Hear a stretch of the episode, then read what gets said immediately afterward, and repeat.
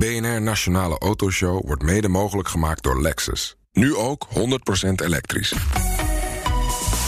BNR Nieuwsradio. De Nationale Autoshow. Meindert en Wouter. Tot voor kort was hij de baas bij Audi, Bram Schot. Hij heeft afscheid genomen bij het Duitse autoconcern en wij gaan hem zo exclusief en zeer uitgebreid spreken. Hoe kijkt hij terug op zijn tijd bij Audi? We praten over de impact van de coronacrisis. Hoe ziet de toekomst van auto en mobiliteit eruit? Wat gaat hij nu doen? Wat een levensvraag Nou, allemaal ook weer tussendoor. Hè? En dat in dit weertje, Wouter. Ja. Want eh, ja, we hebben genoeg vragen, maar we zitten niet op onze vaste plek in de studio in Nee. Amsterdam. Wel in Amsterdam, op de Amstel. Op de, ja, is dit de Amstel? Ja, jij weet het Ja, beter. dit is de ik, ik Amstel, zeg, dit is Wouter. water en ik zie oude gebouwen. Het zal wel Amsterdam zijn. Het is niet de Rotte, het is Nee. niet de Maas. Het is gewoon de Amstel. Ja. Op een bootje. Nou, Op een bootje. We kunnen op anderhalve meter afstand netjes zitten. Dus dat, dat, dat is dan weer goed. Hè?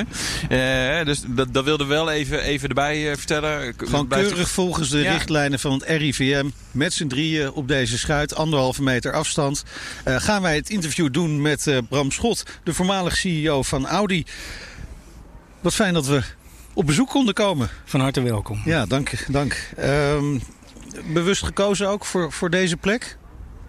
Ja, dat is een goede plek op de Amstel. Lekker wijd. Je hoeft niet zo precies te sturen. dus je kunt, je kunt, je kunt ontspannen. En eh, het, is, het is niet een weekend, hè? dus je hebt, ik heb de Amstel voor mezelf. Ja, was u daar een beetje klaar mee met precies sturen na twee jaar Audi? Nee, in tegendeel. Maar weet je als, je, als je blijft afwisselen, dan blijven alle dingen leuk.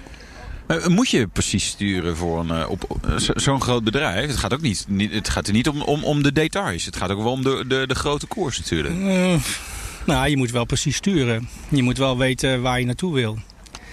En eh, zoals je weet, weet je, eh, twee, drie eh, graden afwijken. Je moet, je moet toch wel echt exact weten waar je naartoe wil.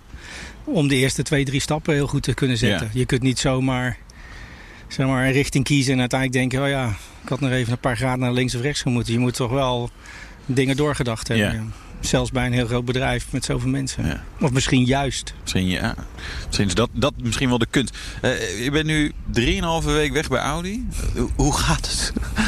Nou ja, ik ben fysiek weg bij Audi. Je bent natuurlijk, weet je, als je zo intensief jarenlang daar gewerkt hebt, dan zit het natuurlijk nog wel een beetje in je hoofd. Ehm, ja, ik ben weg. Ehm, maar zeker niet mentaal. Dus Nee. eh, je, geeft, je, je bent nog bezig met een handover. Je bent nog zeker dingen aan het overgeven. Was natuurlijk een hele bijzondere tijd waarin eh, zeg maar de overdracht van, eh, van het estafettestokje plaatsvond. Dus we zijn daar flexibel in. Dus ik denk nog een weekje of twee en dan hebben we alles achter de rug. En hoe gaat dat in zijn werk? Is dat via videocalls eh, die u heeft?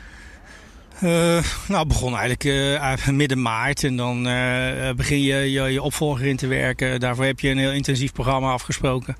Om ervoor te zorgen dat hij, als hij dan op 1 april het stokje overneemt, van, van alles op de hoogte is. Van alles gaat natuurlijk niet. Het is, het is vooral informatieoverdracht omdat zo iemand natuurlijk gewoon een hele ervaren, professionele man. Dus eh, die zet uiteindelijk zijn eigen accenten. Maar het is belangrijk dat je een eh, gemeenschappelijk vertrekpunt vindt. Zodat hij weet eh, waar het bedrijf staat en waar het vandaan komt.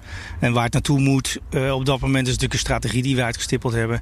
Maar hij zet natuurlijk zijn eigen accenten. Dus daar, daar probeer je in een, in een week of twee heel intensief aan te werken. En we hebben hem heel weinig ademtijd gegeven. Dus hij was, er- nou hij ja, was er klaar maar voor. ik kan me Ja. voorstellen, eh, eh, Duusman heet hij, de, de Ja. opvolger, eh, komt van BMW vandaan. Maar ik kan me voorstellen, die, die neemt het dan over van u. Waar ja, u het misschien wel het bedrijf weer in de, het goede vaarwater heeft gebracht. En dan komt er opeens zo'n coronacrisis eh, over hem heen. En over ons de hele wereld heen. Ik kan me voorstellen dat hij bijna dagelijks eh, even belt eh, van eh, meneer Schot, Bram, mag hij waarschijnlijk zeggen. Ja. Hoe zou je dit of dat doen? Ehm, ja, maar daar moet, je, daar moet je eigenlijk van wegblijven. Je moet, weet je, eh, je moet, het enige wat je doet is dat je gewoon vertelt hoe waar het bedrijf staat. En wat, dat je feiten overdracht hebt. En dan heb je natuurlijk nog een paar dingen waar die mijn mening vraagt. Eh, maar ik weet je, ik, ik ben alles iets wat ze. Ik heb me altijd afgevraagd, wat zou ik nou fijn vinden van mijn voorganger? En dat is precies ook wat ik heb geprobeerd aan hem te geven. Dus een goed mogelijk voor te bereiden. Ehm, en hij vormt zijn eigen mening, weet je. Dus een hele ervaren eh, rot in het vak. En ik moet je zeggen, corona is iets natuurlijk, dat is verschrikkelijk. Maar de beslissingen die je moet nemen aan, uh, op het moment dat je daar zit, die zijn niet zo, zo complex. Het zijn geen leuke beslissingen. Nee. Uh, maar dat wat je moet doen is redelijk voor de hand liggend. Wat is dat dan? Was dat, welke Nou ja, beslissing moet je nemen? op het moment dat, dat de vraagkant echt wegblijft. Ja. Je hebt uh, te maken met uh, 50, 55.000 productiemedewerkers. Die, uh, die bijna onmogelijk op anderhalve meter afstand kunnen werken. Ja. Ehm, en je ziet dat, dat in, in, in bepaalde regio's uh, ineens 80% minder verkocht wordt. Ja, dan hoef, je, dan hoef je ook niet lang na te denken wat je met je productie moet doen. Zeg maar, je hebt, hebt natuurlijk een spanningsveld aan de ene kant tussen de veiligheid van je medewerkers en aan de andere kant wat er economisch gebeurt. Dan prevaleert uiteindelijk natuurlijk altijd de veiligheid van je medewerkers. En als je dan, en ik was dagelijks in de, in de productie, en dan zie je gewoon dat je op een bepaald moment ja, dat je die veiligheid misschien niet meer kunt garanderen. En dat tegelijkertijd zie je dat in heel veel landen dealerbedrijven sluiten en dat klanten niet meer komen. Dan hoef je ook niet meer voor, voor voorraad te produceren. Nou, en, Weet je, die voorraden die waren naar een, een best wel best ingewikkeld 2019. Ja, misschien net over het ideale uh, niveau. Ja, dan moet je natuurlijk vooral oppassen dat als de vraagkant wegblijft... dat je, dat je te veel kapitaal in je voorraden gaat stoppen. Uh, dus ja, dan is er maar één ding. Dat is het terugbrengen van je productie. En in dit geval tegen de achtergrond van als je ook de veiligheid van je medewerkers meeneemt... en je hebt een wat langer perspectief... dan is er maar één oplossing. En dat is het, het stopzetten van de productie. Ja. Dus, dus die beslissing is op zich niet zo ingewikkeld. Het is alleen niet leuk. Nee. Maar wat daarna volgt, is denk ik wel heel ingewikkeld. Ja, het is best lastig natuurlijk. Hè? Want uh, je ziet hè, inmiddels... Ik weet niet hoe het jullie vergaan is. Ik ben niet zo lang meer terug in Nederland. Maar er was natuurlijk geen tv-zender meer waar je een viroloog zag. Die toch nog even een andere mening had. En als die geen andere mening had, dan werd het toch nog een beetje anders geïnterpreteerd. En je kunt natuurlijk op een eilandje zitten en denken... nou, ik zou graag over twee, drie weken met productie weer willen opstarten... want dat is in potentie omzet. Maar op het moment dat een viroloog zegt... nou, weet je, dat uh, voorlopig moeten we allemaal binnen blijven... dan komt er ook niemand in een dealerbedrijf. En dan wordt er ook niet verkocht. Dus je moet de discussie bijna achteraan beginnen. Zeg, nou, wanneer normaliseren we weer? Weet je? En dan probeer je terug te rekenen. En dan kun je nog eens gaan nadenken, nou dat zou kunnen betekenen, als ik naar mijn voorraden kijk, dat ik dan en dan weer zou kunnen produceren. Maar dat betekent dan ook weer dat je vier, vijf weken daarvoor uh, duidelijk moet maken hoeveel je wil gaan produceren en van welke toeleverancier je welk onderdeel wil verwachten. Dus dat is een hele ingewikkelde keten. Tegelijkertijd kun je dat allemaal wel willen en achter je bureau bedenken.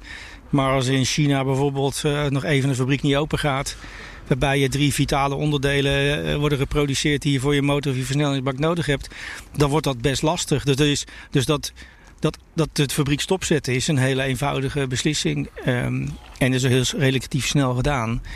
Daarna weer opbouwen is een hele complexe aangelegenheid. Ja, wat, wat betekent hè? dit de korte termijn gevolgen? Fabrieken sluiten, uh, auto's die niet verkocht worden, uh, niet gekocht worden, die niet geproduceerd worden. Maar op de lange termijn, wat voor impact zou deze coronacrisis kunnen hebben op de auto-industrie? Nou, ik denk grote. In potentie grote. Hè? Dus ik denk dat het economisch gezien uh, weet je, cash komt onder, onder druk te staan, liquiditeit. Bedrijven die uh, toch al aan de, aan de magere kant zaten met de marges, die komen heel snel in het problemen blijkt. En wat natuurlijk enorm gebleken is in die, in die coronacrisis, is hoe, hoe vernetst op zijn goed Duits, hè, hoe verbonden we zijn in de hele wereld. Ik er hoeft niks in China te gebeuren of twee weken later is het bij ons. Um, dat is iets wat, wat, wat enorm veel pijn doet. Dus ik denk dat in die transformatie die op dit moment zeg maar, die automotive doormaakt. En je dus van, van oude, oude zeg maar, businessmodellen met betere marges overgaat naar nieuwe businessmodellen met kleinere marges. Ook in het midden van een totale nieuwe technologie, elektrificering, die ook waar je auto's hebt met misschien marges die misschien 30% zijn van wat je gewend bent.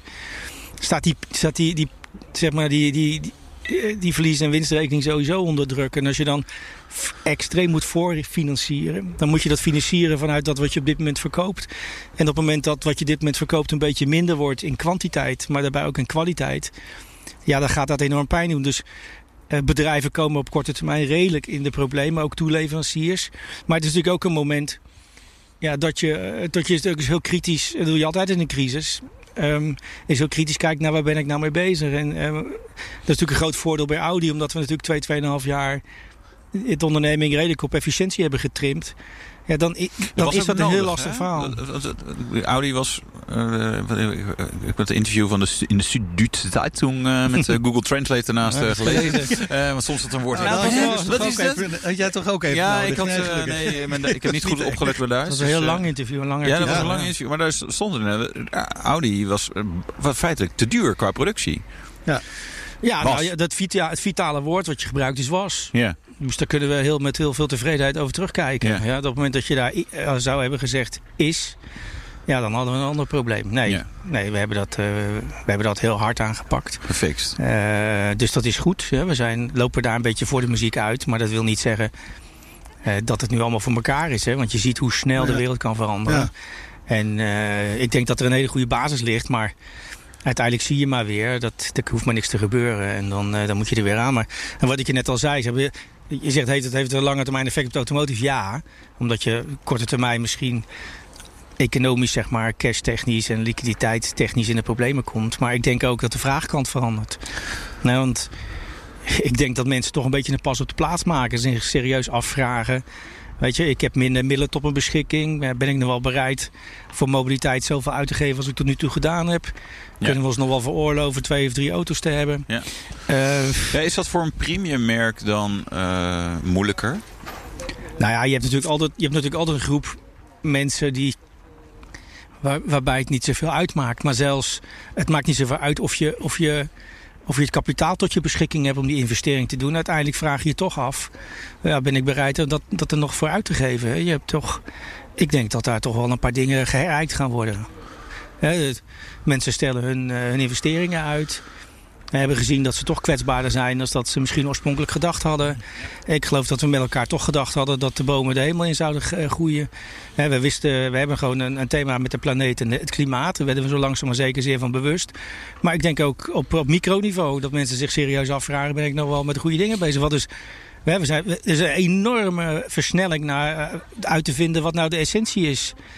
Dingen die ik echt nodig heb of dingen die ik graag zou willen hebben. En dat doen bedrijven ook. Dus ik denk dat dat wel stevige remsporen gaat hebben. Ja, maar kan dit dan ook het, het nekschot betekenen voor eh, een aantal autofabrikanten? U zei al, de marges waren al niet zo heel erg hoog in de automotive. Eh, er waren partijen die al in de problemen zaten. Nou ja, je moet, je voorstellen, dat is, en ik weet dat uit eigen ervaring. Ik eh, bij Audi hebben we voor de komende jaren eh, 14, 15 miljard geïnvesteerd. Eh, als je een bedrijf hebt wat netto 5 miljard verdient, dan moet je daar hard voor werken om dat te kunnen financieren. En dat doe je dan eh, om, eh, om een afzet te creëren in een, in een, met een technologie die minder, win- minder winstgevend is als dat je, dat je gewend bent. Ja, dan moet je toch wel eh, ervoor zorgen dat je geen euro's uitgeeft daar waar ze geen toegevoegde waarde hebben. En ik denk dat wij eh, een relatief eh, gezonde balans en een gezonde verlies- en winstrekening hebben. Dat is niet overal het geval. En, Audi is natuurlijk een premium merk. Daar zijn klanten bereid om betere marges te betalen. Want je wat meer in het volumesegment zit met dunnere marges. En je praat dan over beschikbare inkomens die nu ook onder druk komen te staan. Bij mobiliteit, en dat heb ik jullie wel eens eerder gezegd in een eerder interview. Weet je, elektrificering betekent eh 3, 4, 5.000 euro meer prijs voor een auto.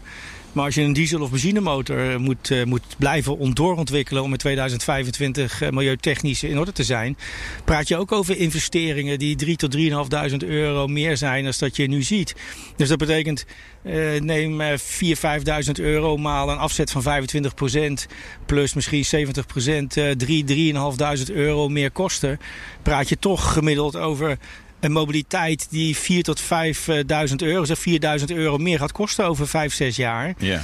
Nou, en, en dan hebben we het net gehad over dat het eh, beschikbare inkomen onder druk komt te staan. En dat er een nieuwe generatie aankomt die niet meer bereid is om alles uit te geven aan mobiliteit. Nou, Ja, dat, dat wordt een heel eh, interessant spanningsveld. Eh, eh, interessante eh, zijsprong daarbij is, is misschien wellicht eh, wat ik wel van andere mensen heb gehoord van ja, maar in het openbaar vervoer ga je ook niet meer zo, li- eh, zo snel zitten nu met eh coronavirus. Nou ja, er, is- is- er komt misschien ook wel weer een meer vraag vanuit mensen die nu denken van nou ja, ik pak de metro of de bus of de trein. En, eh, Ja, maar dat is een, dat is een korte termijn verhaal. Ik bedoel, ik denk dat we nu...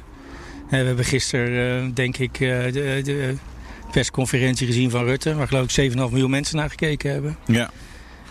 Kijk, de vraag is natuurlijk hoe we van hier komen weer naar een situatie die misschien tussen aanhalingstekens relatief normaal is. Hè? Of weet je, ik denk helemaal normaal, hè, als, dat, als dat de norm was van voor corona, is de vraag dat we helemaal normaal, misschien wordt het opnieuw gedefinieerd. Hè, en wennen we daar ook misschien ook wel wat stukje sneller aan. Maar ja, er is wel wat gebeurd, jongens. En uh, dat heeft uh, grote, grote mentale, mentale impact. En dan is natuurlijk de vraag, hoe, hoe ga je als uh, autofabrikant die crisis in? Hè? De coronacrisis, ga je daar gezond in of ga je daar minder gezond in? Uh, in november spraken we elkaar nog over dat herstructureringsplan waar u destijds mee bezig was. Uh, is dat plan eigenlijk helemaal uitgevoerd? Ja, want het plan behelsde 15 miljard kostenafbouw. Uh, toen ik wegging hadden we 14,2 uh, besloten. Waarvan uiteindelijk het gros al omgezet. Uh, nou, die 800 miljoen, die is ook nog wel te vinden. Dat is ja. niet, zo, niet zo heel erg ingewikkeld.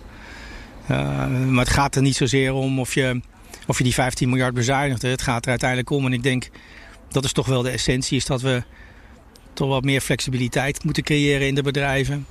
Uh, minder, minder core op de payroll, misschien meer netwerkdenken. En flexibiliteit is alles. En je zal ook zien dat uh, zelfs na die 15 miljard uh, die we bezuinigd hebben... dat je toch nog gaat proberen hier en daar toch wat meer flexibiliteit in, in, in, je uitgaven te vinden. Dus ik denk kleinere, een kleinere core voor bedrijven, meer netwerk. niet alles tot op lange termijn vastleggen. Want één ding, moet, één ding is duidelijk. Hè. We hebben natuurlijk gekeken naar product lifecycles die korter worden. Maar je ziet nu ook strategie lifecycles die korter worden. Uh, dus je moet in principe een strategie uitzetten en denken, nou dat, dat wordt helemaal omgezet, dat is alles voorbij. Je, je vindt de juiste mensen, die zet je op de juiste plek in de bus. En je vindt met elkaar uit hoe je de bus moet rijden. Nou, dat blijkt wel weer. dingen die je misschien voor de lange termijn had uitgezet, moet je nu corrigeren. Ja. Uh, ik, ik, weet, uh, ik heb een, be beetje achtergrond ook in de strategie. Zo. Ik weet wel, een van de, van de dingen was Shell bijvoorbeeld in de jaren 80 al scenario's maakt van als de olieprijs 10 dollar wordt of 100 dollar mm. per, uh, voor, per barrel. Is, is, is zo'n soort denken ook in automotive gewoon zo van joh, er zit een, zit een hè, zeg maar, wat is het gitzwarte scenario en wat, wat, is, hè, wat, wat zijn de, ja, de mooie sprookjesscenario's waarbij alles wel doorgroeit? Is er, is er genoeg op die manier gedacht door automobielfabrikanten? Ja, denk ik wel. Maar ja, ik ben een. Weet je. Weet je, er zijn heel veel bedrijven die, die falen in het, in het creëren van een succesvolle toekomst. Ja. Niet zozeer omdat ze niet kunnen voorspellen, maar veel meer omdat ze niet creëren. Weet je, dus, dus je ziet heel veel mensen die plannen en honderdduizend scenario's hebben. Maar als je een strategie uitzet en, en de elementen die daarvoor belangrijk zijn, vind je niet terug in de to-do's van morgen, dan zal je strategie nooit waarheid worden. Kijk, en, en het is veel meer natuurlijk een spel dat je je strategische doelstellingen definieert, maar niet definieert hoe je daar komt. Ja, want dat verandert uh, dagelijks ook, uh, zeg maar, ieder, ieder half jaar, iedere maand, iedere week. Nee, ik denk, uh, ik ben, uh, je, kunt, je kunt er wel kijken als je kijkt ook naar de concurrenten BMW, Mercedes-Benz, Audi. Praat over een heel hoog kwalitatief niveau. En, maar er gebeurt zoveel tegelijkertijd op dit moment. En je moet natuurlijk van een traditionele autofabrikant eigenlijk ombouwen nu naar een, een full-fledged mobiliteitsaanbieder. En dat is natuurlijk met deze economische gegevens natuurlijk niet echt, niet echt heel gemakkelijk. Nee, eigenlijk daarop doordenkend kan er, heeft het nog zin om strategische doelstellingen te maken? Omdat, het, omdat het ook wel zo fundamenteel uh, anders uh, wordt. Uh, kun je ook zeggen, ja, dat heeft, zelfs dat heeft misschien nog wel geen zin meer. Nou ja, dat denk ik wel. Ja, ik, heb, ik heb bij Audi ook een heel duidelijke strategie neergelegd. Ik bedoel, er was ooit... Ik heb het wel eens eerder gezegd. 2000 jaar geleden was er een Chinese generaal, die heette Sun Tzu. Die heeft een heel leuk boek geschreven. Winnen zonder strijd. Ja. Ik kan iedereen aanbevelen. Uh, en die zei eigenlijk, weet je, als je geen strategisch doel hebt, is de weg erheen niet zo belangrijk. Nee. dus, dus, dat is een beetje hoe wij aan het varen waren. Ja, nou ja. Nee, je moet natuurlijk wel weten wat je uh, op de lange termijn wil bereiken. Maar je moet natuurlijk wel ook de flexibiliteit in je hebben kritisch te blijven nadenken over de definitie van wat, wat je met je bedrijf wilt. Dus de hele, de hele definitie van mijn business, mijn business definitie, die, die is niet in beton gegoten. Het kan niet. De wereld verandert nee, buiten zo snel en zoveel. Dan moet je toch wel bereid zijn uh, te blijven dromen en, uh, en flexibel te zijn. Maar wat zou dat plan moeten zijn, dat doel voor een automotive? Ja, u zegt een full flex automotive Nou, het is heel simpel. Je kunt, je kunt gewoon naar een paar feiten kijken. Ik bedoel, kijk, Amsterdam van nu, waar we nu zijn, is niet het Amsterdam van, uh, van voor de corona. Dus als je kijkt wat er aan metaal op, deze, op de wegen in Amsterdam rijdt en in doorgaans, zeg maar in grote steden. En je, je neemt aan dat uh, op termijn, en de ene discussieert over x jaar, de andere y jaar, zie je dat het gros van de mensen meer dan de helft in grote steden woont. Uh, dan kunnen we die groei die we daar meemaken, die kunnen we zeker niet loslaten op het aantal auto's wat nu absoluut rondrijdt. Er is gewoon geen plek meer voor meer vierkante meters en meer kilogrammen auto's in een stad.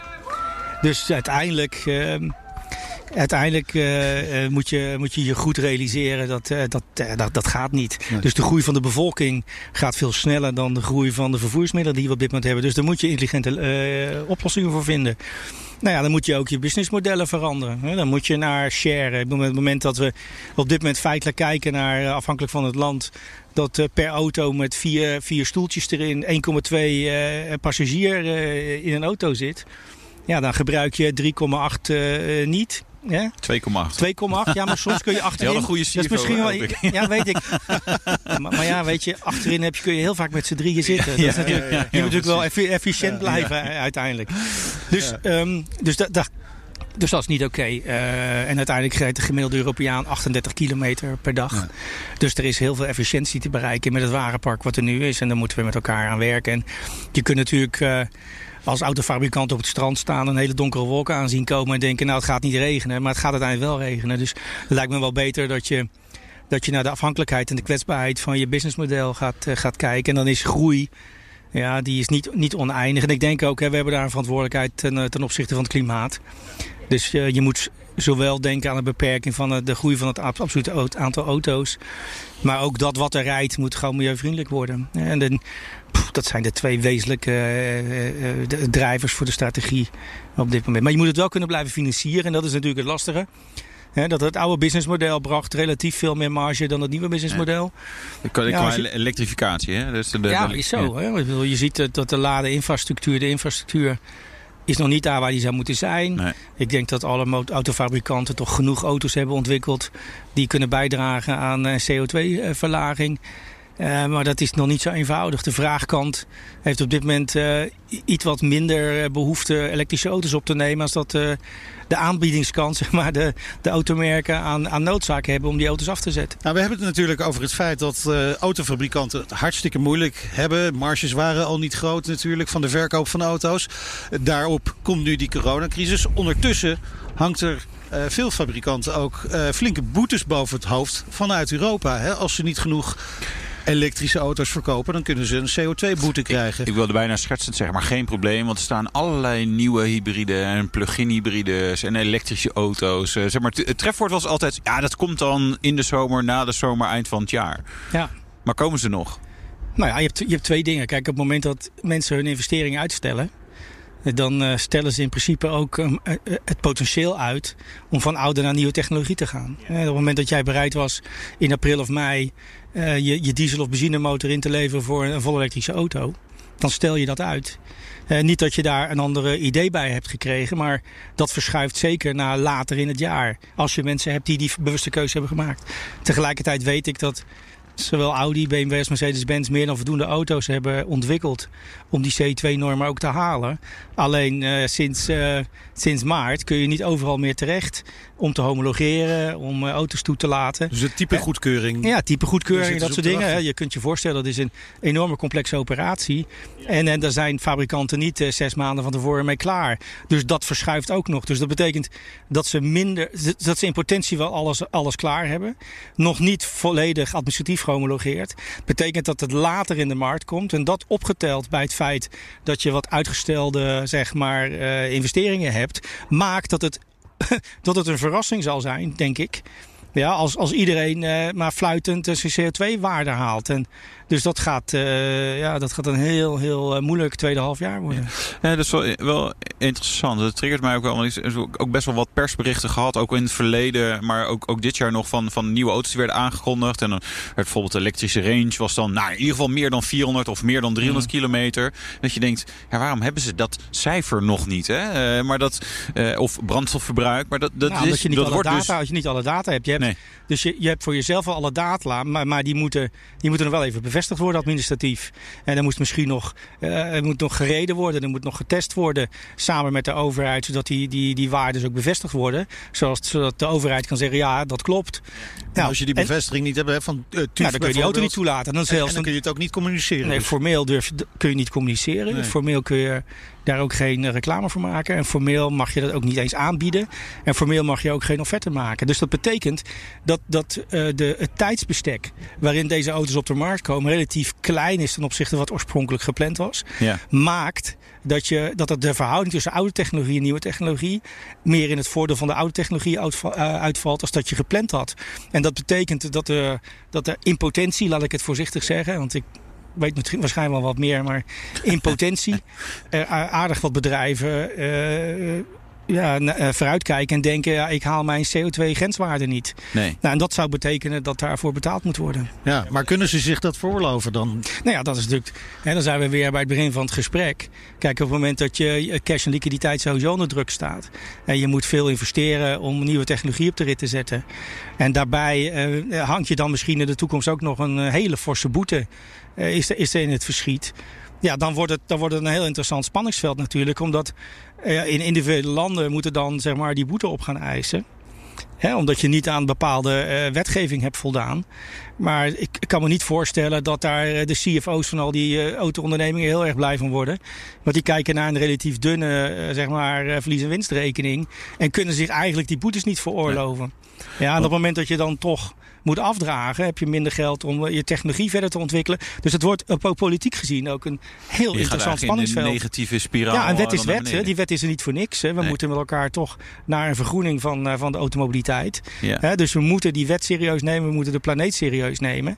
Maar in de praktijk, kom even terug, wordt dat natuurlijk een enorm spanningsveld ja. tussen wat doe ik dan die bedrijven wat, economisch aan. Ja, want het en, probleem is nu eigenlijk van de, de, de, de, de TUF's en de andere keuringsstations en alle instanties, die, die kunnen of mogen nu gewoon minder testen en homologeren. Of doen ja, het dat gewoon is, niet. Dat is zo feitelijk zo. Ja. ja. dat is feitelijk zo. Maar ook vooral de, de, de, de, de is natuurlijk ook de vraagkant. Hè? Op het moment dat, dat iemand zegt, nou ik wilde graag mijn elektrische Audi, BMW of Mercedes-Benz afhalen. Uh, Opel, Fiat of wat dan ook. Uh, en ik ga dat nu drie, vier maanden later doen. Hè? Of ik schuif sowieso die investering een beetje uit. Nou ja, die, die, die transitie die vindt plaats in een kleiner deel van het jaar dat je ooit verwacht had. Nou, en, dus dat betekent ja, dat de vraagkant daar niet meedoet. Dat betekent dat de aanbiedingskant minder beschikbaar heeft, omdat die homologatie lastig wordt.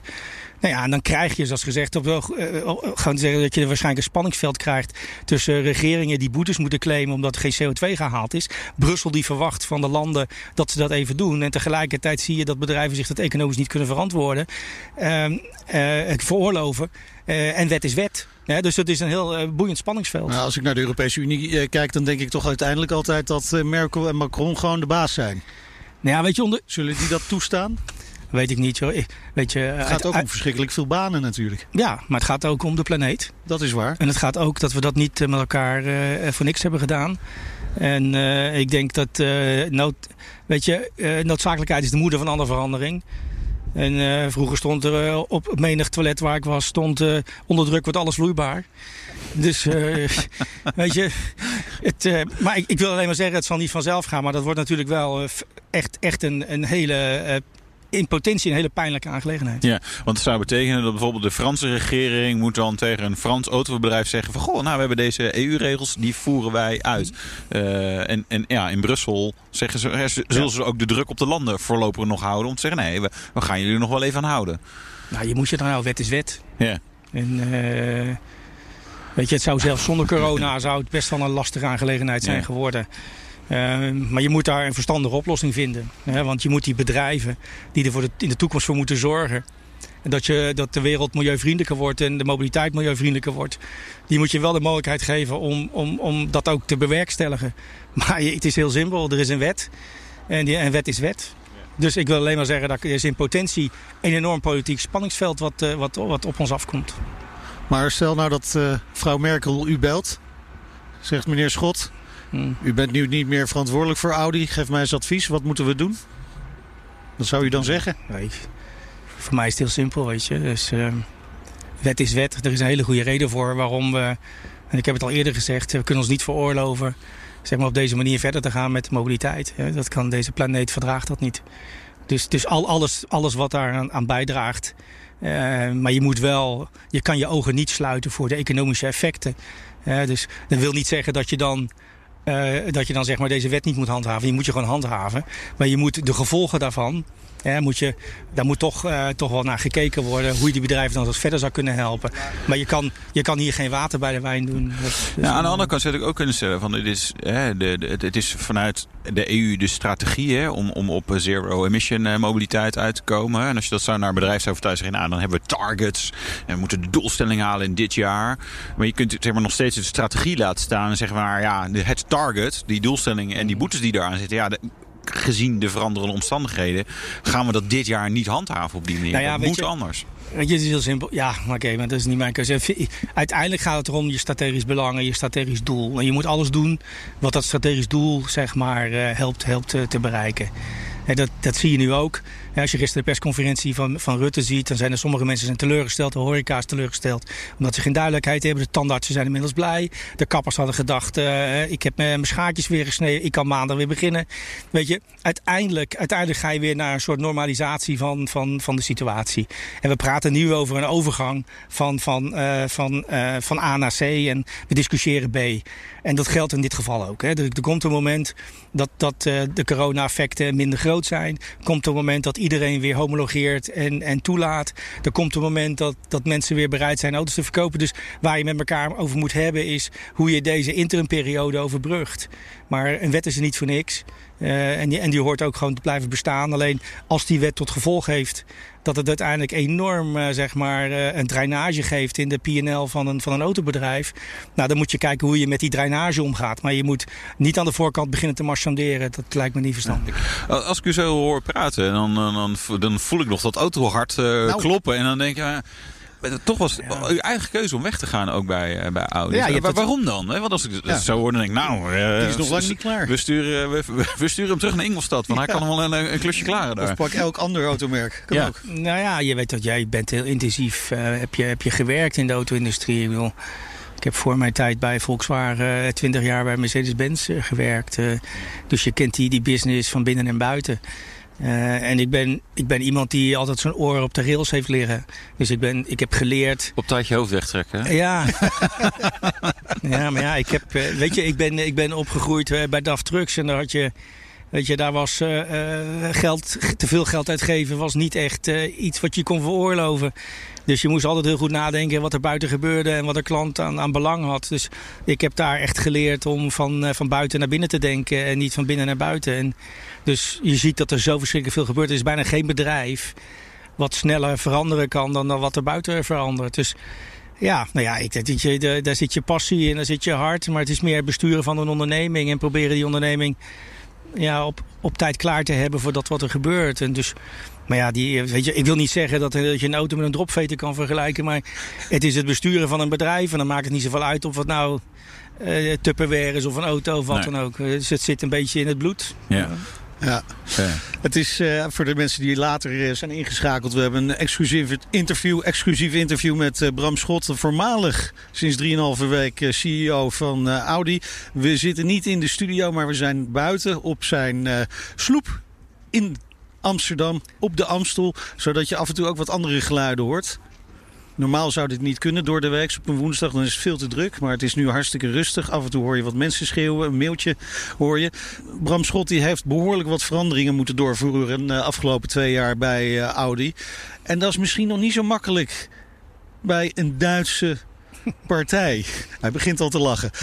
U wordt gezien als uh, puinruimer toen Audi verstrikt raakte in het dieselschandaal. Hè. Er moest een ander uh, gezicht komen bij Audi.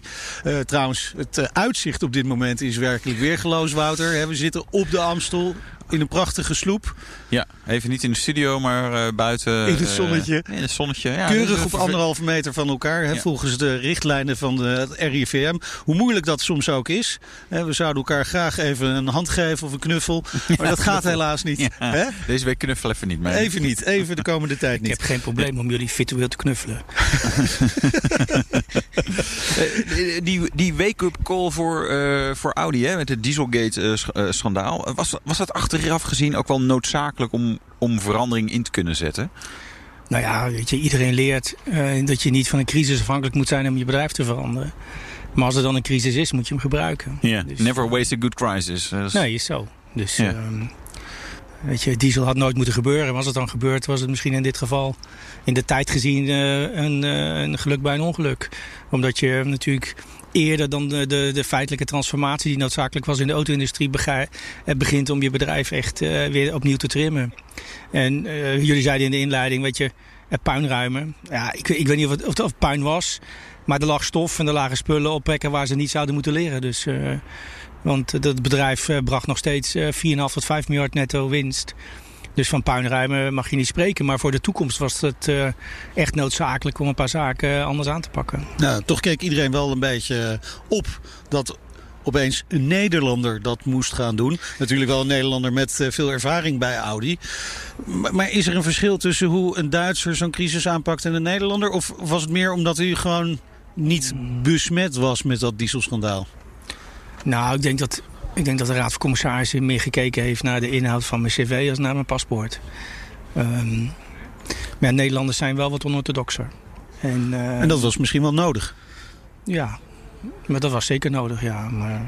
Waarom was dat nodig? Want aan de ene kant dieselschandaal, aan de andere kant, nou ja, er werd toch nog 4, 4,5 miljard per jaar verdiend. Dus ja, je, eigenlijk was er vanaf de buitenkant gezien, ging het eigenlijk wel prima bij Audi. Ja, dat dieselschandaal was even vervelend. Om het even, even te bagatelliseren, zeg maar. Nou ja, weet je, bedrijven die op een schaal van 0 tot 10 een 8 scoren. Ja.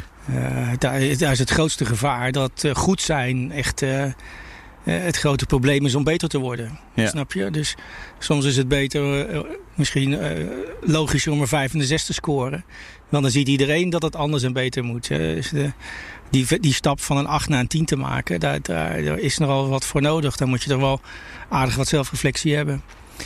Um, ja, er moest zeker wat gebeuren. Ik bedoel, Nederlanders zijn over het algemeen gewend om met verschillende culturen om te gaan. Zijn wat, zijn wat directer, hebben wat minder met hiërarchie.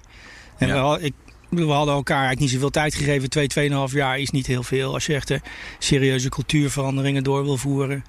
Dan heb je over het algemeen voor dat beklijft een beetje meer tijd nodig. Dus dan had iemand nodig die zowel van top-down de zaken aan zou pakken. Maar tegelijkertijd ook iemand die zeg maar aanraakbaar is en die van, van, de, van de basis naar boven uh, zeg maar uh, zaken veranderen kon. En dan uh, ontmoet je elkaar ergens in het midden van de organisatie waar het over het algemeen cruciaal is om meer momentum te krijgen voor veranderingen bij die zogenaamde middengroep managers. En ja, dat, dat heeft goed gewerkt, want 2,5 jaar is heel kort.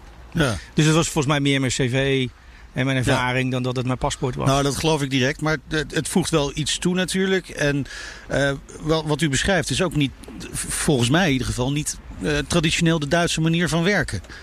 Nee, zijn, zijn uh, nou ja, men neemt wat minder risico.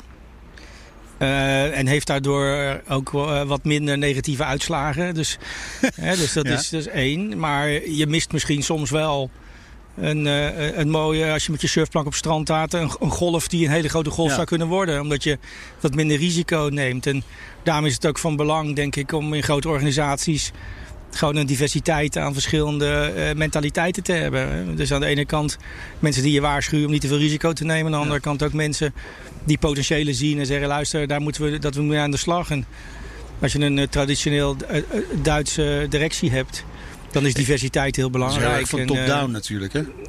Ja, maar weet je, mijn manier van werken is niet, weet je, in, in tijden zoals nu, 2020, met zo dingen die zoveel veranderen, dan, uh, dan kun je een onderneming niet meer via organisatiestructuur leiden. Met al die kastjes en die boxjes die uh, solid en dotted lines hebben, weet je, dan bent een dode opgeschreven, dan ben je altijd te laat. Dus je moet in die manier van sturen van een onderneming, moet je die onderneming plat maken. Ja, niet volgens de structuur. Weet je, je moet die business sturen en niet, het, niet de organisatiestructuur. Nee. Dus je bent meer, veel meer procesgeoriënteerd, veel meer horizon- horizontaal georiënteerd als verticaal. En daar, met mijn achtergrond en ik denk ook ook een beetje typisch Nederlandse achtergrond, past dat. eh, past dat. Omdat Ja. als je succesvol wil zijn, moet je snel zijn. Snel betekent eenvoudige processen. En eenvoudige processen worden gemaakt met mensen met zelfvertrouwen. Middelmatigheid creëert complexiteit. En dus, dus je moet wel een manier van, van, van het runnen van een bedrijf hebben. waarbij die snelheid en die zorgvuldigheid eh, op zijn plaats, maar wel een balans erin vinden. Weet je, de 100% oplossing te vinden in deze tijden. Ja, dat, eh, dan ben je heel vaak al te laat. Hè? Dus je moet een balans vinden. Dus dat wat ik, dat wat ik weet. eh, en, en, dat wanneer, en, en, en de tijdstip waarop je iets kan implementeren. Eh, snelheid is echt van belang geworden Ja. voor succes. Nou, nou wordt eh, als een van de oorzaken van het dieselschandaal wel genoemd dat eh, mensen van onderaf in, de, eh, in het midden van de management niet naar boven durf- durfden te zeggen dat er iets misging. Dat zit dus wel een beetje in de cultuur van, van de Duitse bedrijven, kan ik me voorstellen. Om dat in twee jaar tijd te veranderen, eh, ga er maar aan, aan staan. Hoe, hoe heeft u dat gedaan? Nou ja, vooral zoals ik het zeg. Je moet voor mij. Weet je, voor mij is niet zo, niet zo relevant of iemand nou lid van de raad van bestuur is. Of dat hij topmanager is. Of dat hij middelmanager is. Of dat hij. Iedereen heeft een functie. En, en ik kijk meer naar de rollen die mensen vervullen. Dan naar de, dan naar de hiërarchische niveaus die ze hebben. Eh, dus ik ben meer, zoals gezegd, procesgeoriënteerd. En Ja. Kijk, wat je doet is als je een proceseigenaar hebt in een bedrijf. en die denkt horizontaal een proces door een heel bedrijf door.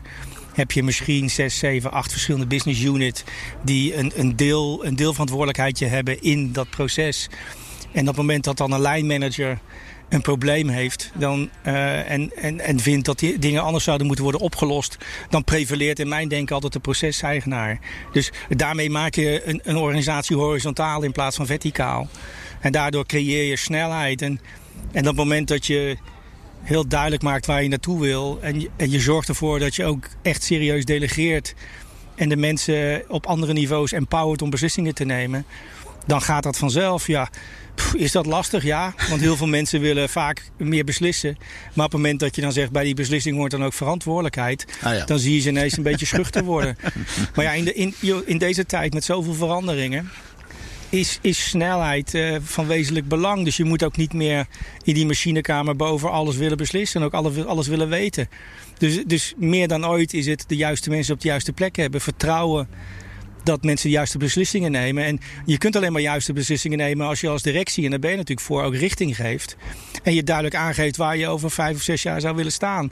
Want als die visie niet duidelijk is, dan kunnen op de niveaus 2, 3 daaronder niemand een beslissing nemen waarbij ze denken, ja, als ik dit nou doe, ja, dan voegt dat iets toe aan het realiseren van onze eh, lange termijn doelstellingen. Op het moment dat die visie en die strategie niet duidelijk is, dan is het onmogelijk om momentum in de organisatie te krijgen. Dus er ligt een mega verantwoordelijkheid voor een directie om de visie en, en, strategie duidelijk te maken. Zodat je ook dieper in de organisatie beslissingen kunt laten nemen. En weet je, er worden fouten gemaakt. Je moet ook, ook een, een, een cultuur creëren waarbij ook fouten geoorloofd zijn. Dan natuurlijk niet 17 keer hetzelfde dingetje. Maar ja, mensen moeten wel, wel een balans vinden daar. Dus Ja. Je moet wel de dingen uitproberen. En de 100% oplossing vinden. En dan te denken, ik, ik ga op tijd implementeren. Nee, dat kun je vergeten. Ja. Ja. vergeten. Vertrouwen en zelfvertrouwen hoor ik veel terug. Dus dat is wel een. eh Ja. Zou zou bijna zeggen, de, de, de coach Bram Schot coacht zijn Nou ja, je werknemers. hebt- eh, Weet je, je hebt, je hebt, je hebt, je hebt in deze tijden collectieve intelligentie nodig van je bedrijf. En ehm, als, je, als, je, als je iedere keer, ik zeg het voor de zoveelste keer, die, die organisatiestructuurladder met zijn kastjes en, eh, en zijn boxjes en zijn, en zijn solid en dotted lijntjes moet gaan bewandelen, dan ben je ten dode opgeschreven. Dat, dat, dat gaat niet werken. Dus je moet een soort.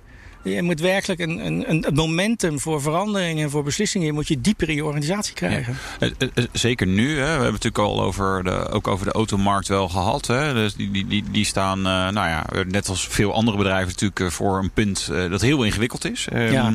voor, voor welke keuzes staan die fabrikanten? Waar moeten ze nu op, wat, wat moeten ze gaan doen?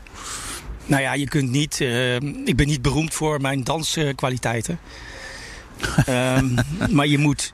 Wat je, je moet zeker. Je kan zeker niet meer op iedere bruiloft dansen. Nee. Dat, eh, dus dus met, met de druk op, op cash en liquiditeit voor de langere termijn. En eh, voor zeg maar verdampende marges kun je niet iedere technologie omarmen. Nee, maar ook niet alle modellen meer eh, ontwikkelen. Want nou, ook niet alle modellen, maar vooral niet alle, alle technologieën. Dus nee. hè, ik hoor heel veel mensen praten over, over brandstofcel en over hybride en over eh, volle elektrische auto's en over autonoom rijden. Het is nogal een uh, fruitmand. Nou, er is gewoon niet genoeg geld voor om die hele fruitmand te financieren. Dus je moet daar fundamentele keuzes maken. En wat het lastige natuurlijk is, is dat je hebt verschillende regio's met verschillende wetgeving. In China wordt iets anders verlangd, op een andere snelheid, op een ander tijdstip dan in de Verenigde Staten. Zelfs in Europa hebben we natuurlijk één wetgeving voor CO2. Ja. Uh, weet je, verschillende regio's, zoals gezegd, verschillende wetgeving, verschillende snelheden. Ja, dat, dat, dat, kun je niet meer, dat kun je niet meer behappen. Dus je moet fundamentele keuzes gaan maken. En de vraag is dan, welke keuze? Autonoom rijden, daar hebben wij het volgens mij ooit eens met elkaar over gehad. Ik geloof dat ik zelfs gezegd heb...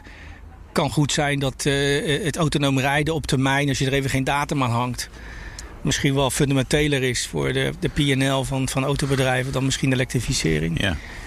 Nou, je ziet toch dat dat dat autonoom rijden hè, op, op level 5, hè, zoals de experts zeggen. Dus ja, dat je echt niks hoeft te doen. Je niks hoeft te doen, je stapt maar. in en ja. je zegt tegen, tegen je meneer of je mevrouw... Uh, die, de stem in de auto van uh, de kinderen moeten naar school... en ik moet, ja. uh, ik moet er naar, naar die en die vergadering. Nou, ik denk dat dat een beetje afgekoeld is. Hè. Ja, in de huidige is... situatie zou het misschien net kunnen, hè, met de lege straten tijdens corona. Ja, maar ik denk dat we dat, dat, we dat denk ik, toch een beetje overschat hebben. Ja. Je ziet ook dat de investeringen daarvoor enorm zijn. Hè? Dus je hebt vijf levels van autonoom rijden. Hè? 1 tot en met, uh, met 5.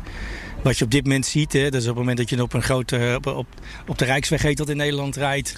En je wil je handen van de stuur hebben en je wil uiteindelijk zeg maar, de controle aan je auto zelf overgeven. En dan praat je over level 3. Ja. Ja, dat, ik geloof dat dat uh, zelfs de stap van 2,5, hè, waarbij je af en toe je stuurs moet aanraken. Uh, en zelf moet blijven opletten. Nou, drie is technologisch zo enorm en zo kostbaar. Dat je nu daar ook serieus een afkoeling ziet. Hè. Je ziet ook dat de experts, uh, zoals Wemo en zo, zeggen: Nou, nee, ik heb inmiddels uh, 8 tot 10 miljard uitgegeven. Om dat te perfectioneren ja. ben ik 6 miljard verder. Ik zeg, neem van mij aan, dat kunnen op dit moment uh, de premium automerken zich niet veroorloven. Nee. In die tijd van de oh, ja. elektrificering en hybride en digitalisering. Dat is dan meer nice to have.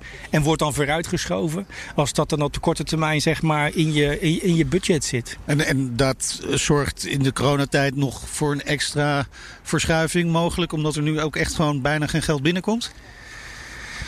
Nou ja. Je gaat toch prioriteren, denk ik. Nou ja, wat ik, wat ik bij Audi uh, vooral geïnitieerd heb, is uh, dat, je, dat je. Kijk, complexiteit in een productportfolio is, is, niks mis mee. Op het moment dat een klant bereid is daarvoor te betalen. Ja. Maar als je complexiteit in je bedrijf of in je, in je productportfolio hebt waar een klant niet bereid is om voor te betalen, of complexiteit in je bedrijf die geen toegevoegde waarde heeft voor het nemen van de juiste beslissingen, moet je per acuut afscheid nemen van die complexiteit. Dus, dus wij hebben in de afgelopen twee, drie jaar bij Audi, ik denk, nou meer, ik denk 2, 33 procent complexiteit uit het productportfolio eruit gehaald. En, zonder dat we fundamenteel volume hebben verloren. Dus dat betekent minder onderdelen, minder processen, minder productie, minder ontwikkeling. Dat was een, een fundamentele uh, verlaging uh, uh, van, van, van, van, van kosten. kun je dan een concreet voorbeeld geven van iets wat dan nou, ik geef maar een concreet voorbeeld. TT. Ja, ja. nee, ze, nog steeds. komen ze weer. De hele wereld is boos. ja. Omdat ik de TT... Nou, maar dat is misschien een heel mooi voorbeeld. Hè? Jullie lopen hier als twee glimwormen. Zit je hier op die, op die sloep. Ja. En dan uh, als ik TT zeg, dan, dan uh, de zon brandt al hard, maar dan word je nog warmer. Maar op het moment dat je een TT hebt die weliswaar echt toegevoegde waarde heeft gehad voor het image van Audi. En ik stel vast dat je daar 25 of 30.000 auto's per jaar van bouwt. En ik kijk naar wat ik moet doen om zo'n auto met zo'n fantastisch platform en een mooie motor en een mooie versnellingsbak zeg maar, rijp te maken om ook uh, in de toekomst zeg maar, klimaattechnische mannetje te staan. Dan staan uh, 30.000 auto's met een bepaalde marge en de investering die ik daarvoor moet doen niet in verhouding tot dat ik, die, dat, ik dat geld misschien ergens anders veel beter zou kunnen inzetten. Ja. Dus dan is het een hele simpele beslissing. Die doet natuurlijk pijn, zeker voor jullie, want jullie beginnen er over de 27e ah. keer over. maar het is, het is, het is een onverstandig wat, wat er bij u in de garage staat. Uh. Ja, ik heb een TT gekocht. ja, precies. Hè? Ja, maar dat kan, kan iedereen doen. Want ja. dat ding is nog, hij is zeker nog even op de markt. Maar er ja. komt geen opvolger, omdat dat economisch gezien niet verstandig is. En En er komt ongetwijfeld weer een auto. En dan kan je zeggen dat is zo, want dat hebben we ook besloten. Ja, die heet geen TT, maar die ziet er anders uit. En die kan ook wel weer, die heeft het inzicht om, om zeg maar de toegevoegde waarde te hebben die een TT ooit had. Dus die, die beslissingen moet je nemen. Tegelijkertijd, weet je, als je op een, en dat is ook best wel lastig, als je op een wereld. Uh, op een, op een wereldniveau kijkt naar zeg maar, eindbouwraten, zoals het goed Nederlands heet. Hè? Dus, dus dat je zeg maar 2% of 1% of een half procent van mijn afzet is die versnellingsbak of die motor. Dan moet je serieus afvragen of je goed bezig bent. Ja. Dus alles onder de, ik heb eerst maar gezegd, alles onder de 5, 4% inbouwraten, om het maar zo te zeggen. Ja. Dat heb ik eerst maar eens even ter discussie gesteld. Ja. Nou, ik bedoel, Vroeger was het zo dat je een, een versnellingsbak, behalve dan de fanaten zoals jullie, ja, een, een, een handgeschakelde auto met een prijsniveau van 70, 80.000 euro. Dan kun je vragen of dat nog een zinvol idee is. Ja. He, die die, die, die, die, die, die, die hand, handgeschakelde auto is over het algemeen zo bedoeld als instapper, omdat het de prijs verlaagt ten opzichte van een automaat. Ja. Dus als ik dan auto's heb die zeg maar 75.000 euro kosten en nog steeds in potentie een handgeschakelde versnellingsbak hebben, dan moet je, dan moet je mee ophouden. Ja. Dus dit is heel simpel. Uh, dan moet je rigoureus doorheen. Is dat pijnlijk? Ja. Want als ik zeg, ik haal er iets uit wat misschien een, een inbouwrate heeft van, van zeg maar. Uh, uh, wat zei ik? moet daar eens verzinnen wat het Nederlandse woord voor is. Ik ben helemaal Ja, gegermaniseerd. ja, maar jullie snappen wat ik bedoel. Ja. Kijk, als ik dat 3% uithaal, dan is dat misschien op wereldniveau niet zo, niet zo schokkend. Maar als ik in Japan of Korea of Thailand zit en dat is 70% van mijn afzet, dan doet dat pijn. Dan wel. ja. ja, toch moet je die beslissing nemen uiteindelijk. Zitten we nu dan qua automarkt op een piek in de keuze die we hebben? hè? Ja, ik, denk ik- ik in ieder geval met Mercedes ik geloof ik 37 modellen, eh carrosserievarianten. Audi zal ook een eind die kant op gaan. En dan hebben we natuurlijk benzine, diesel, eh dieselhybride, benzinehybride, plug-in hybrid, elektrisch, eh, aardgas soms nog. En we hebben ook nogal Misschien in de toekomst nog waterstof. Waterstof. de- eigenlijk waterstof, ja. extreem veel keuze. Het kan bijna niet anders dus dat we, dat we daar heel veel gaan Nee. verliezen. Nee, er zit natuurlijk een. Het grote gevaar was, is. Voor sommigen komen nu tot de ontdekking dat ze misschien verkeerde keuzes hebben gemaakt. Is het de manier waarop je een elektrische auto bouwt, is fundamenteel anders dan dat je een, een, een auto bouwt met een benzine- en dieselmotor. Ja. Hè? Je hebt een platform.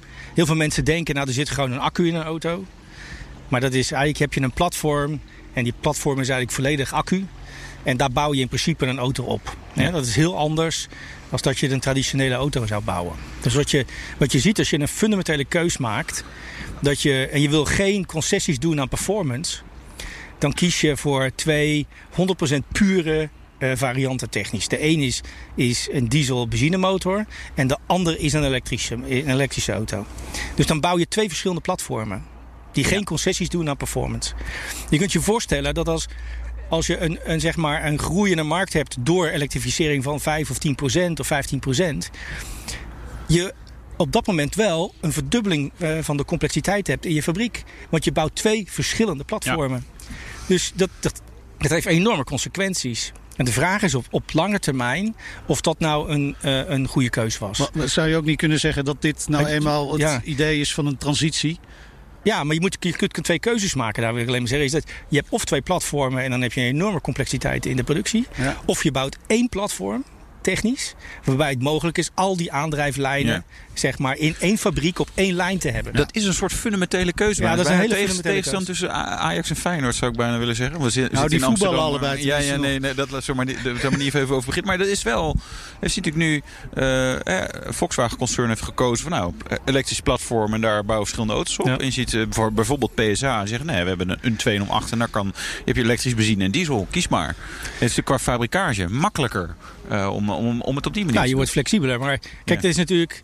Er zit iets goeds en iets slechts aan. Hè? Ja. Op het moment dat je, dat je er hypothetisch van uitgaat dat er op termijn geen normale verbrandingsmotoren meer zijn, dan blijft alleen maar een volle elektrische auto over of misschien een, een, een hybride. Ja? Dan is een keuze, een fundamentele keuze voor het een of het ander. Ja, dat betekent dat het ene is aan het uitveden, ja, uitvagen en het andere komt op. Op het moment dat zo'n zo'n transitie 10 tot 12 jaar duurt, wat in dit geval ook zo zou kunnen zijn, praat je dus over het meeslepen van een enorme complexiteit over een periode van 12 jaar, die enorme impact kan hebben op je verlies- en winstrekening. Dus eh, als die elektrificering niet snel genoeg oppikt, zodat je ook die dubbele complexiteit ook kan eh, verantwoorden en ook eh, duidelijk ook kan financieren, ja, dan gebeurt er wat. En op dit moment is dat natuurlijk de grote vraag. Hè? Je wordt, Ja. je wordt in zou- zou de 2020 wel een beetje teruggeworpen. Zouden fabrikanten er dan niet bij gebaat zijn als overheden in eh, Europa, maar over de hele wereld gewoon zeggen: jongens, het wordt eh, elektrisch, die diesels en die benzines, gooi ze er maar uit. Nou ja, ik vind wel sowieso dat overheden. Ik, ik, denk, eh, ik denk dat ze gemiddeld gezien enorm onderschatten. Wat het betekent, betekent voor een, een autofabrikant om technolo- te- technologisch open te zijn. En eventjes eh, terwijl je aan het. eh, ja, terwijl je aan het, aan, het, aan het hard rennen bent, ook nog eventjes je schoenen moet strikken. Dat is niet zo heel makkelijk. En dat heeft een enorme impact volgens mij. En ehm, op het moment dat je de investeringen die je doet voor volle elektrische auto's. Dat is, dat is enorm voor een autofabrikant. Dus ik ben van mening dat als je nu in Europa ziet dat in, in bepaalde landen ook een belastingverlichting plaatsvindt en subsidies zeg maar, op hybride auto's. Ja, dat kan ten laste gaan van de afzet van volle elektrische auto's. Ik vind dat daar overheden veel fundamentelere keuzes moeten maken. Hè. Als je 38 kilometer eh, per dag gemiddeld rijdt. en je hebt op dit moment hybride eh, auto's die 60, 70 kilometer per uur elektrisch kunnen rijden. Ja, dan zou je misschien de vraag op kunnen werpen waarom je nog vol elektrisch moet rijden. En waarom moet dan een, een overheid een hybride auto gaan, gaan, eh, gaan, gaan, gaan subsidiëren? Begrijp ik eigenlijk niet zo goed. Want je subsidieert in principe de mogelijkheid om elektrisch te rijden. Maar bewijzen dat hij elektrisch gereden heeft, kan hij niet. Hè, dus, dus ik vind dat daar fundamentelere keuzes in moeten gemaakt worden. En het zou natuurlijk een drama zijn als, eh, als, als door de subsidie van hybride auto's eh, de, de volle elektrische afzet onder druk komt te staan en daarmee de autofabrikant. Eh, Dat ik- klopt. ik- dat, dat, dat begrijp ik niet helemaal wat hier in Europa gebeurt. Aan de andere kant, bedrijfsmatig gezien, er is één eh, autofabrikant eh, die de grootste groeicijfers heeft laten zien. En dan weet je volgens mij wel welke kant we opgaan. Dat is Begint namelijk de met kant een van, van ja, begin met een T, dat is Tesla. Ja. Ehm, waarom? nou, als je van relatief laag komt, dan is het niet zo moeilijk te groeien natuurlijk. Nee, ja. ja, aan de andere kant er Ja, nu, dus het- nu ja. natuurlijk nu, eh, een paar honderdduizend auto's per jaar, eh, 400.000. Of, Ehm, Maar hij doet het hartstikke goed. Hij doet het eigenlijk laat zij ook zien van ja, maar zo ingewikkeld is het niet. Je moet gewoon zeggen, nee, je moet, moet gewoon doen. En dat nou, nou, maakt ingewikkeld. Het is, zij hebben gewoon een hele fundamentele keuze gemaakt. Ten eerste zitten zij op maar één segment eh, wereldwijd. eh, Drie modellen. eh, drie modellen. Maar als je ziet wat zij gemiddeld aan modellen, aan, aan volume hebben per model. Dan laten zij volgens mij aan de auto-industrie hoe, zien hoe het moet. Ja. Ja, dus, dus als ik nou kijk naar, naar mijn oude bedrijf en naar de, de, de concurrenten daar, dan wordt daar misschien te veel oud eh, segmentdenken doorgevoerd. Ja, weet je? En dan, dan heb je te veel verschillende modellen met te weinig volume. Ja, eh, om op de een of andere manier de, de markt af te dekken. Misschien, ik vind toch dat als je, als je naar Tesla kijkt, hebben ze het super gedaan. Het is niet alleen een volle elektrische auto. Maar het wordt in Amerika, als je naar de onderzoeken kijkt, ook in Europa gezien als nieuw automotive. Het is een, een digitale eh, dataverzamelaar. Dus het wordt ook gezien als een, de nieuwe manier van autorijden. En dan wordt er niet alleen naar elektrisch gekeken. Dus dat hebben ze fantastisch gedaan. Ja. En wat zij volgens mij ook heel goed laten zien, ja, is gewoon fundamentele keuzes maken. Ze hebben een iets wat agressieve chemie in, de, in, hun, in hun accu. Daarmee hebben ze meer rijkwijde. Daarmee hebben ze ook misschien wat meer versnelling. Maar je hebt ook wat. Ja, het is, het is, het is een andere keuze die ze maken. Wa- Want zijn er ook negatieve gevolgen aan die keuze van die accu?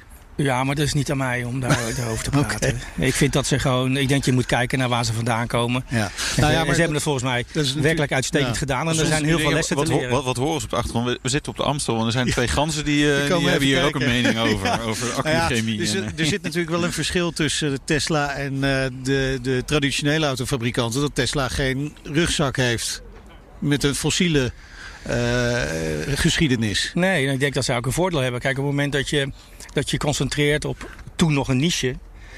Eh, voor hun was het, eh, is in principe eh, een volle elektrische auto is make or break. Hè. Op het moment dat dat niet functioneerde, was het bedrijf naar de galamise, om het maar zo te zeggen.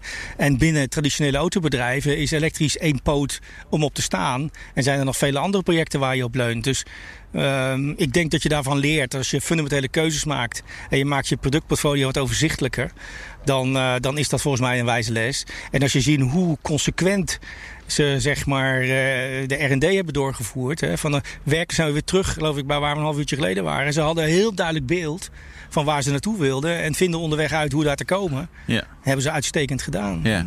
Zou, zou die agressie in de strategie, dat is, dat is wel iets om, om een les uit te trekken, denk ik. Ja, niet alleen agressie, maar je moet, Ja, weet, je, weet je, uiteindelijk de vasthoudendheid. focus. Ja. Weten wat je wil doen en vooral dat niet doen wat geen toegevoegde waarde heeft. Dat hebben zij uitstekend gedaan. Alles wat zij doen voegt iets toe aan daar waar ze over drie, vier, vijf jaar naartoe willen. En ze geloven fundamenteel in dat wat ze doen. ja. Ja, is echt wat van te leren. We komen een beetje aan het einde van het interview. ja, maar ja, we hebben Eh, nog één vraag niet beantwoord. Nee, precies. Wat gaat Bram Schult Nee, doen? was dit een open sollicitatie of eh, lopen er al dingen? Nee, dat is gewoon een leuk gesprek. Eh, Ik vind het altijd gezellig met jullie in de tijd. Die vliegt altijd voorbij. ja, dat is waar. Hè? Ja. en we hebben niet eens, weer niet, over autonoom rijden gesproken. Ah, even Nee, kort. Heel kort. Ja. Nou, ik denk dat dat, eh, ik denk dat, dat afkoelt. Ja. En ik denk dat je een eh, standaardisering gaat krijgen in de, in de, in de, eh, in de assistentiesystemen in een auto. Ik denk dat je gestandaardiseerde technologie krijgt. En dat op termijn toeleveranciers waarschijnlijk die standaardisering aan alle merken gaan leveren. Want je kunt je niet meer veroorloven verschillende elektronische architecturen te hebben. En uiteindelijk maakt dat voor de chauffeur in de toekomst ook niet zoveel meer uit. Weet je, maakt jou wat uit of het nou een A, B of C technologie is. Moet gewoon, het ding moet het gewoon doen. En die investeringen, die miljarden die je daarvoor nodig hebt, die, die, die kunnen autobedrijven zich niet meer veroorloven of autofabrikanten. Dus je krijgt daar een standaardisering. En ik denk dat er een, een knip komt tussen. Ja, dat je, dat je hulp hebt bij parkeren en hulp hebt op, de, op de grote weg. Waarbij je wel moet opletten, maar niet je stuur vast te houden. En dat het, het volledig autonoom rijden, dat, je dat, eh, dat wordt voorlopig nog wel eh, ver uitgesmeerd. Dat duurt nog eventjes. Eh, Ze hebben, heel simpel, de middelen zijn er op dit moment niet voor om dingen te doen met een, met een kom ik weer terug met mijn mooie Nederlandse woord, een eindbouwrate, zeg maar. Van, of een take rate, misschien klinkt dat net. Take rate, ja, het Ja, dat klinkt maar- beter. Ja. Van, Ah, misschien, van, van onder de leuk, 10%, dat kun je niet Ja. veroorloven. ja. Nee. Nou, nou, stel nou die vraag de- maar. ja, Ja, ja, Wat ga je doen? Wat ga je doen? Nou, Ja. voorlopig. eh, nou, ik heb mezelf zes weken gegund om daar eens over na te denken. Ik mag, eh, We zijn al op de helft. nou, ik mag me gelukkig prijzen dat ik, eh, ja, dat, ik, dat ik op dit moment... Ik heb wel een zwaar horloge om, maar ik heb het niet nodig op dit moment. Dus ik hoef niet op de klok te kijken en ik geniet daar met volle teugen van. Maar ik, ik bol van de energie en van de dingen die ik nog allemaal wil doen. En, eh, ik wil je best wel een keer gaan uitleggen wat ik ga doen. Maar die keus wordt gemaakt ergens eh, midden mei. Maar er zijn, er zijn genoeg keuzes. Ofwel aan de toezichthoudende kant, ofwel aan de, aan de CEO-kant. En het is ongeveer 50-50, automotive, niet automotive. Dus, eh, maar ik En geniet... als het niet automotive, wat, wat, welke branches vindt Bram Schot dan nog meer leuk? Nou ja, ik vind eh, de, de, de digitaliseringskant is, eh, vind ik leuk. Ik vind de mediakant heel interessant op dit moment. Alles wat afgeleid is van nou, auto's, hè, vergis je niet. Dat wordt de grote dataverzamelaar in de wereld. Hè? Ja. Dus ik denk niet dat het je van A naar B brengt. En daarom zijn ook die techbedrijven zo geïnteresseerd. Er worden meer data gegenereerd en verzameld door auto's. En door het patroon wat je daarin vindt, wat je daarin doet, waar je naartoe rijdt, hoe je belt, hoe je rijdt. Eh, ja, dat is, dat is toch interessant. Ja, ik ben een sportief mens, weet je. Dus ik, eh, ik zou nog iets in de sport kunnen doen. Ik ben van oorsprong een ondernemer. Ik ben... Ja, er zijn hele leuke eh, dingen die nu komen eh, van bedrijven die over te nemen zijn, die wat te verbeteren zijn. Weet je, je zit niet altijd op een broken toy te wachten. Eh, maar ja, als het dan toch gebroken is, dan is het goed om het ding te repareren. Als wat niet kapot is, hoef je niet te repareren. Maar ik ben niet het mannetje wat in de zon gaat zitten. Dat, dat niet. Ik, ik, heb, ik heb genoeg keuzes. Dus ik ben wel blij. En ik moet zeggen, de, de moeilijkste keuze is geen keuze te maken op dit moment. Ja. En Maar even te eh, ik wachten. ben er best wel trots op mezelf dat ik, dat ik al drie weken lang eh, het, het een beetje op me af laat komen. En ik heb leuke gesprekken, dus met jullie heb ik hier tijd voor. Ja, Ja. dat waarderen wij dan ook weer eh, heel erg. En kijken gezellig al- met jullie. Maar er zijn altijd zes dingen die we niet meer besproken hebben. Dus, Dus we kijken nu alweer uit naar het volgende gesprek. ja. Ik denk dat we dat zeker een afspraak voor moeten gaan, eh, gaan maken. We zijn natuurlijk heel erg benieuwd wat u gaat doen. Maar heel veel succes met het denkwerk daarvoor.